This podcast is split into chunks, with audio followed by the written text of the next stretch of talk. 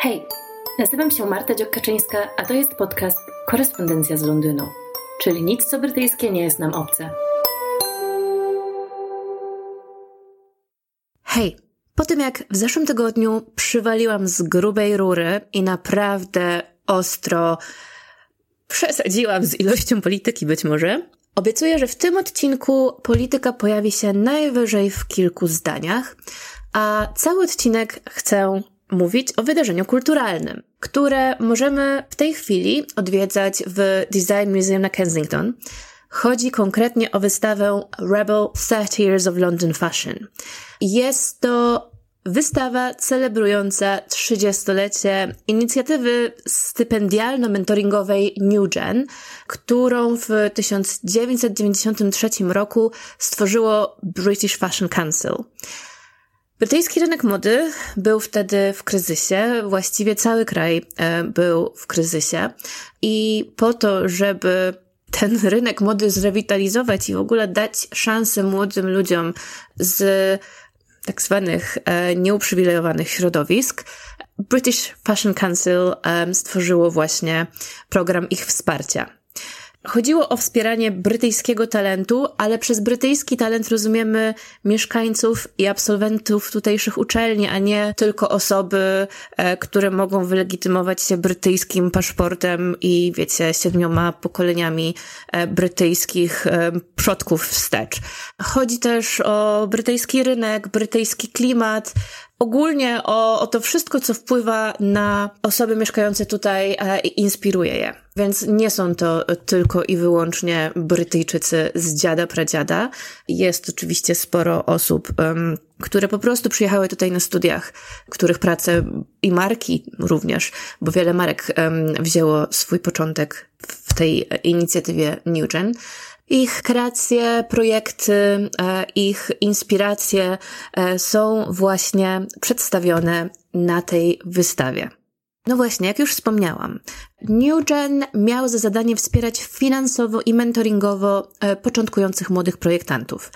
Wspomniałam, że chodzi o środowiska nieuprzywilejowane, ale wiecie, generalnie stworzenie marki, która będzie się sprzedawać i odnosić sukcesy, to nie są takie chocki klocki, więc e, mnóstwo zdolnych osób przewinęło się e, przez New Gen i, i oczywiście nie wszyscy byli osobami bardzo nieuprzywilejowanymi jak e, Lee Alexander McQueen. No niemniej, chodzi o wynajdywanie talentu skądkolwiek można go e, wykrzesać. I Newtonowi udało się to zrobić z nawiązką, bo wspomógł takich artystów jak wspomniany już Lee Alexander McQueen, John Galliano, Christopher Kane, Jonathan Saunders, Erdem, J.W. Anderson, Wells Bonner, Molly Goddard, Simon Rocha, Russell Sage, Lebrum, Marika Trancu i dziesiątki innych.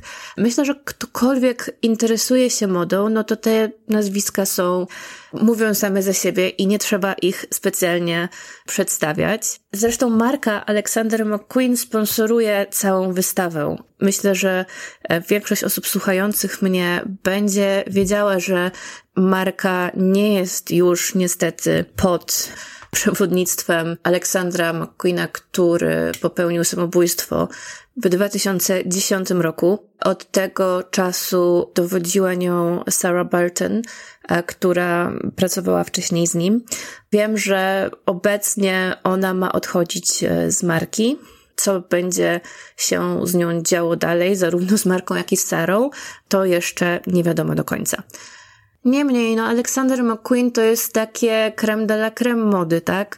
To jest um, absolutny geniusz, um, no jakby już dom mody właściwie e, światowej sławy, um, łącznie z tym, że Sarah Burton um, projektowała suknię księżnej Cambridge na jej ślub, e, także jest to już e, absolutnie e, sama śmietanka świata mody. Sama wystawa pokazuje, jak bardzo moda związana jest z codziennymi realiami życia, poprzez zarówno inspiracje, jak i możliwości, które nasza codzienność daje nam w rozwijaniu swojego talentu, a także jak bardzo polityka wpływa na ograniczanie tych możliwości. E, bo na wystawie dla mnie bardzo uderzająca była taka oś czasu pokazująca duże polityczne, kulturowe przełomy. Więc w 1993 roku, kiedy Newton powstał, edukacja mm, na wyższych uczelniach w Wielkiej Brytanii była darmowa. A osoby, które miały problemy finansowe, mogły również otrzymać stypendium, które wspierało je w codziennym utrzymywaniu się po prostu. Można by uznać, że stwarzało to w pewien sposób równe szanse, tak? Oczywiście to nigdy nie jest tak, że te szanse są dla wszystkich 100% takie same. Natomiast tutaj były jakieś szanse, żeby w ogóle dostać się do tego świata sztuki, mody, do rozwijania pasji, którą ktoś mógł w sobie odkryć. W 1993 roku bezrobocie wynosiło ponad 10%, to jest y, ponad dwa razy więcej niż wynosi obecnie. Teraz zdaje się 4,3% w Wielkiej Brytanii na dzień dzisiejszy wynosi. Więc y, no też y, nie były to czasy idealne. Były to czasy, gdzie te pieniądze jakby były, kurczę, chyba zawsze są takie czasy, ale były czasy recesji, były to czasy kryzysu i, i były to czasy, gdzie mnóstwo osób e, mogło tylko marzyć o tym, żeby e, studiować, nawet mimo tego, że było to darmowe i mimo tego, że można było otrzymać stypendia. A te czasy zrobiły się e, jeszcze cięższe, ponieważ e, w 1998 roku wprowadzono w Wielkiej Brytanii czas na studia. Ja studiowałam sama w 2006 roku zaczęłam przynajmniej. Kiedy ja studiowałam, no to wybrałam Szkocję właśnie dlatego, że Szkoci dostają pokrycie swojego czesnego z rządowej agencji, która się tym zajmuje. Tak samo wszyscy studenci z Unii Europejskiej musieli być traktowani tak jak Szkoci. Obecnie wobec Szkotów dalej utrzymuje się ta zasada, chociaż w 2010 roku e, koalicja Partii Konserwatywnej i Lib Demów podniosła czesne do 9 tysięcy funtów za rok.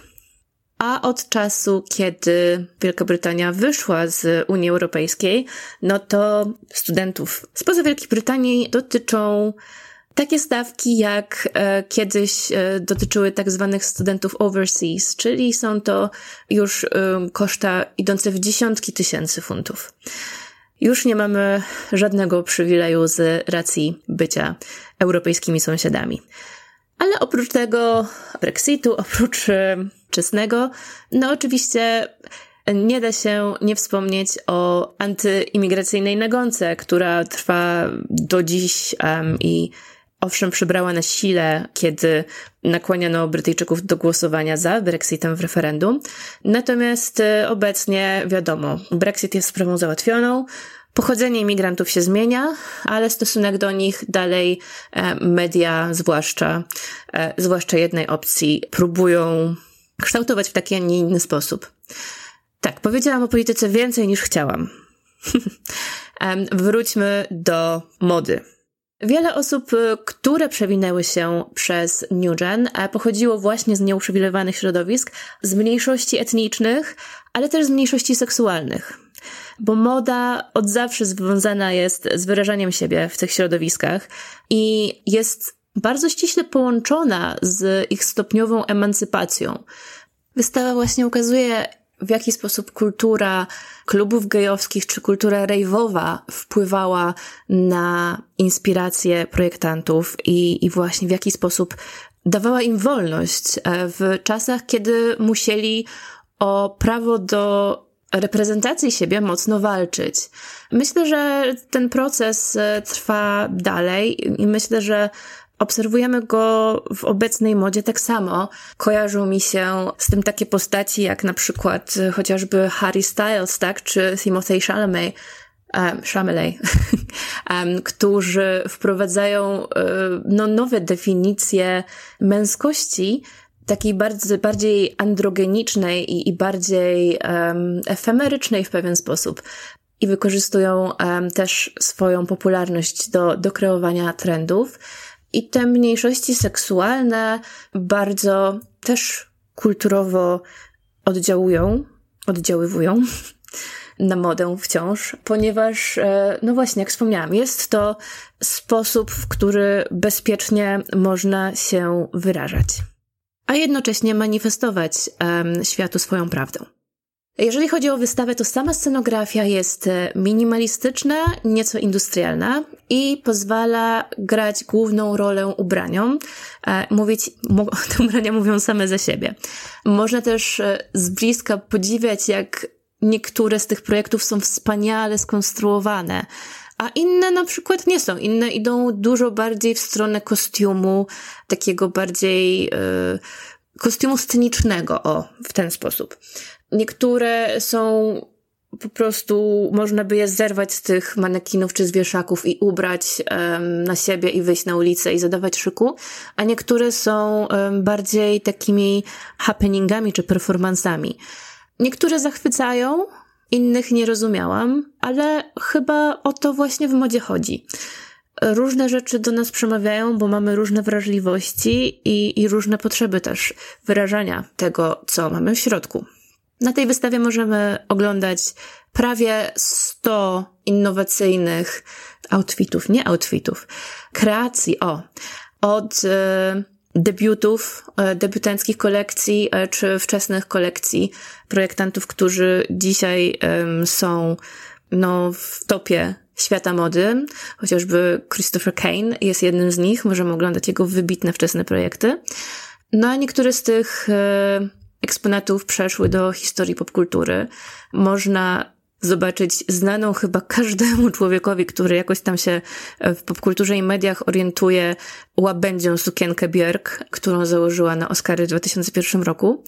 E, jest też kreacja Harry'ego Stylesa z teledysku do utworu Golden, więc e, jeśli słuchają mnie jakieś fanki Harry'ego, a myślę, że na pewno słuchają mnie fanki Harry'ego, to bardzo polecam. Bardzo piękna jest ta kreacja i no właśnie, tak jak powiedziałam, Harry Styles kreuje taki androgeniczny dość styl. Ja bym sama założyła tą kreację i wyszłabym bez żadnego zażenowania w niej na ulicę, a nawet na jakieś party.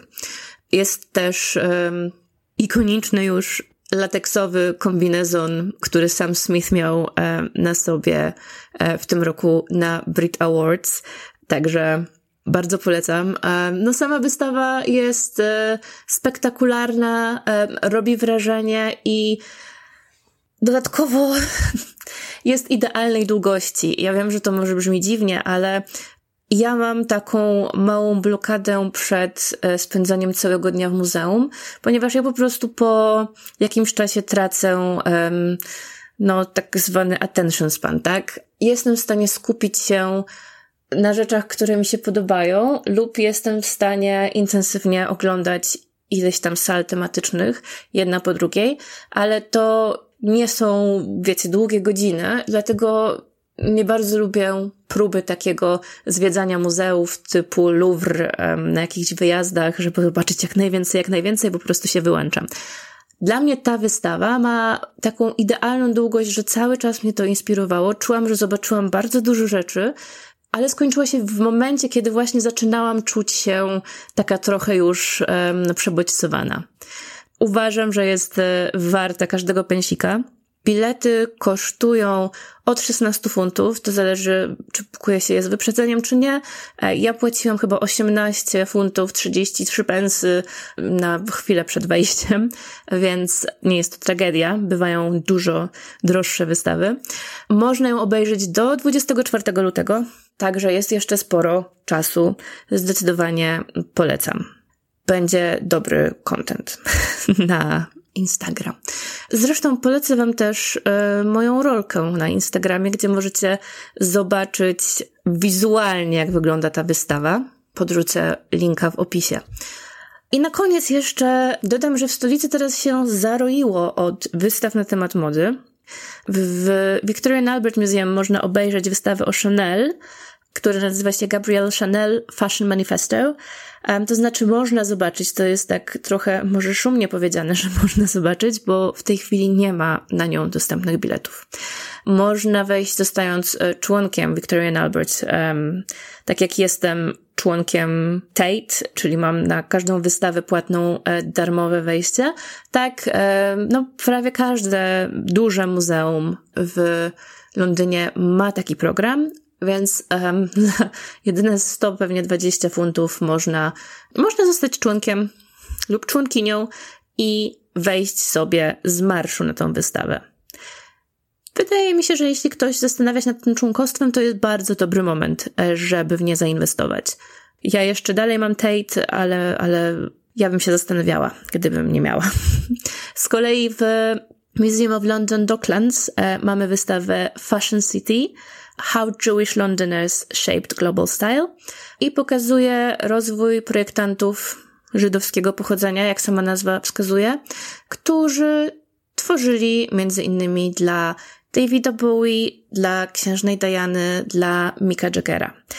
Na tą wystawę bilety kosztują 12 funtów i szczerze mówiąc wygląda też ciekawie.